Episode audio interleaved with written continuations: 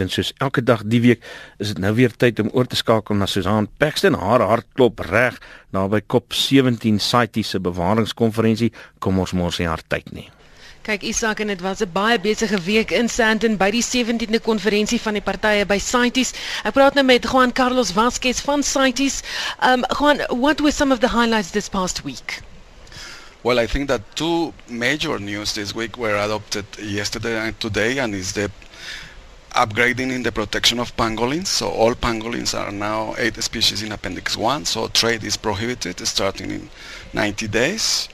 And that was almost by consensus, uh, except for two species. And today, and we have here a, a plant expert, uh, we adopted uh, the inclusion of uh, all uh, genus of 300 plus species of rosewood in Appendix 2.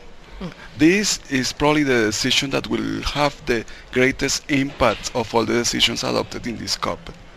All right, and what debates are still ahead?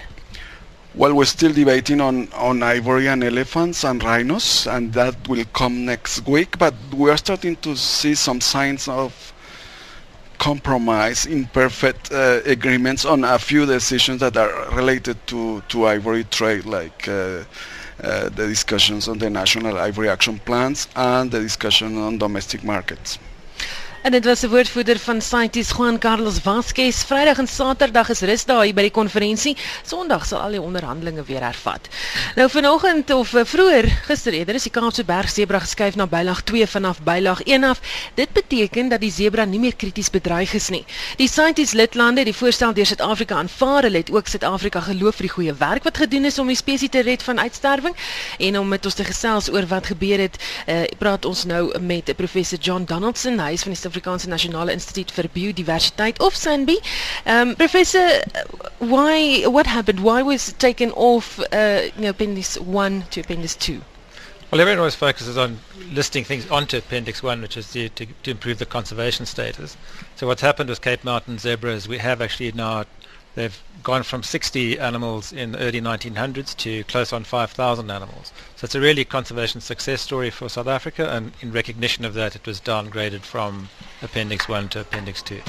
How was this achieved? Well, the actual success is more down to the conservation staff on the ground. So uh, national parks, uh, they've got several national parks with Cape Mountain zebra in them, and uh, the uh, uh, Cape Nature. And it's also about a third of the animals are now also on private land. So it's a combination of increasing the protection on uh, state land and also um, expanding protection on uh, on private land. What's the difference between this animal and a normal zebra? Uh, there are quite a few differences. So they're smaller. They've got a different uh, banding pattern. Um, and they've got different social structures, but yeah, so, but they also they're much more restricted, so they, they really are only found in, in, in mostly in the Western Cape. All right, and what's going to stop uh, you know th- them from you know getting critically endangered again? Well, we've got a whole action plan for them. So there's a biodiversity management plan, and the whole idea is to try and manage all the different populations because they're now in about 76 different subpopulations. So it's obviously quite a big management issue to make sure that they breed properly and there's no inbreeding because um, obviously they started off from a very small gene pool, only having 60 animals to start with. And being on uh, Appendix 2, what does this mean? So Appendix 1 means you're not allowed to trade in them at all from, from the wild, whereas Appendix 2 means that there can be some trade. So it's got to be regulated, but it would mean, for example, that uh, if some of the, uh, if they went on to, for example, if someone wants to, to have hunting on them, then that would be possible but it's mostly just to um, it just res- uh, reduces restrictions on trade in them. Hmm. And but this is a very good news story for South Africa. It's fantastic news, and it's been recognised here, and, and, and, and we've had lots of accolades for it because to get such a small number of animals up to 5,000 is, is a real success story. Right, now don't go anywhere. This um dit is professor John Donaldson van Sambi. Behalwe vir al die dierspesies wat hier bespreek word, word daar onwettige handel gedryf in plant en boomspesies ook. Ons praat nou met Vanessa Dick. Sy is 'n houtbeleidsspesialis van die Wêreld Natuurlewe Fonds of uh, WWF in die FSA. Um We just heard uh, Juan Carlos Vasquez uh, talk about uh, the rosewood species. What was just said? So today was a big day for the protection of rosewood. So rosewood is a common term that's used for a type of tree that um, includes many species and genus, um, and it's highly traded, largely because of demand for furniture in uh, Vietnam and China. And it's very difficult to differentiate the different kinds of species at the border. So if you're a custom agent, you're like, oh, this just looks like a piece of wood to me. so today um, we had the approval of Dalbergia, which is a genus of rosewood, be listed in Appendix 2. And so that's incredibly helpful in terms of uh, helping to control the trade in this species because in this um, in rosewood because it includes over 300 species of, of rosewood so that's uh, going to be incredibly helpful in terms of protecting this this tr- very important tree Typically, where would uh, you know you use this type of wood? Where would you use it? Um, it's often used in musical instruments and for furniture, um, and uh, you'll often see it uh, for wood carvings. It, it's a very beautiful wood, so it's it's very often used in, in ornamental um, wood products. Where does it come from? It grows in a lot of places. That's what's pretty incredible about it. So you see it in Central and South America, um, Central and Western Africa, Madagascar, and Southern Asia. It actually covers 102 countries. Wow, that's a lot of countries. And, and Professor Donaldson here is also an expert in trees, and I see he's, he's uh, saying, yes, yes, yes, this is exactly it.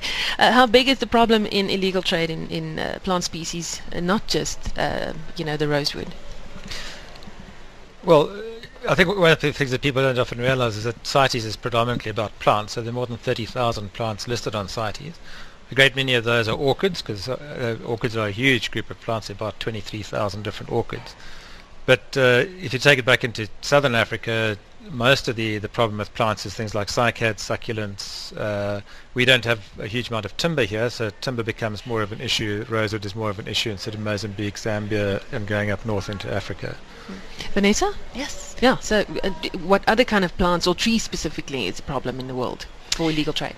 Well, later today, um, Committee 1 will be considering uh, uh, a few proposals related to different kinds of rosewood. So we've talked today about the Dalbergia, and then later today they'll be talking about African rosewood.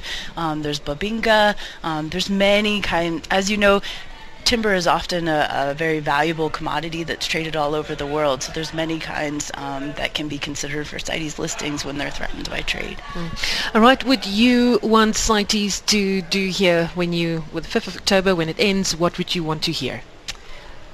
It's always great to hear that there's cooperation amongst amongst nations when you're talking about a type of species, whether it be animal or plant, that's being globally traded. Because many times you're you're dealing with uh, cross-border um, trade that um, needs cooperations amongst customs officials, amongst consumers, amongst producers. So what I love see coming out of CITES is that sense of cooperation and clear action plans on how to address the trade, so it's done in a sustainable way. Professor Donaldson. Yeah, I think uh, along similar lines. So I think the, the fact is with a lot of this trade, it's yeah, it's very hard for, for countries to do it alone. And one of the whole reasons why we have CITES is so that we can get collaboration between the different countries. So, for example, South Africa's got proposals on cycads um, and wild ginger, and the whole reason for that is because we want to get regional and international collaboration in controlling the trade in those species. En dit stem daar van Sambi woordvoerder professor John Donaldson en saam met hom gesels eh, Vanessa Dix, sy's 'n houtbeleidsspesialis van die Wêreld Natuurlewe Fonds uh, of WWF uh, in die FSA. Baie dankie dat julle hier was. Thank you very much for coming. um en net so vinnig voor ons groet Marlenae was nou by 'n perskonferensie wat pas klaar gemaak het en uh, daar vertel hulle of het hulle gesê wat nou nog voor lê. So Marlenae, wat lê voor? Ehm um, Susan, ons het hulle het meer gefokus op wat reeds gebeur het. Nou John Scanlon, CITES se sekretaris-generaal generaal het veral gepraat oor vordering wat gemaak is met betrekking tot landelike gemeenskappe binne in die CITES struktuur en 'n spesie van die Dalbergia familie soos wat ons nou net gehoor het is opgeskuif na bylaag 2. Daar's net net 300 van hierdie bome oor in die land. Scannen voel ook positief oor die fokus op korrupsie wat nou vir die eerste keer in die geskiedenis van die konferensie aangepak word. Hy het ook genoem dat die haie waaroor ons vanoggend gepraat het, um, eers Sondag na hierdie breuk um, aangespreek word. Hy sê wel verskeie organisasies en lande nie noodwendig saamstem oor die verskeie kwessies wat bespreek word hier nie. Is daar 'n atmosfeer van samehorigheid en hy het maar net van die hoogtepunte hier uitgerig, uitgelig. En dis die stem daarvan Marlenae Forsie en van haar kant af van Frik Wallis ons klankregisseur hierso en Silwester wat hom bystaan vandag. Ek is Susan Paxton terug na jou Isak.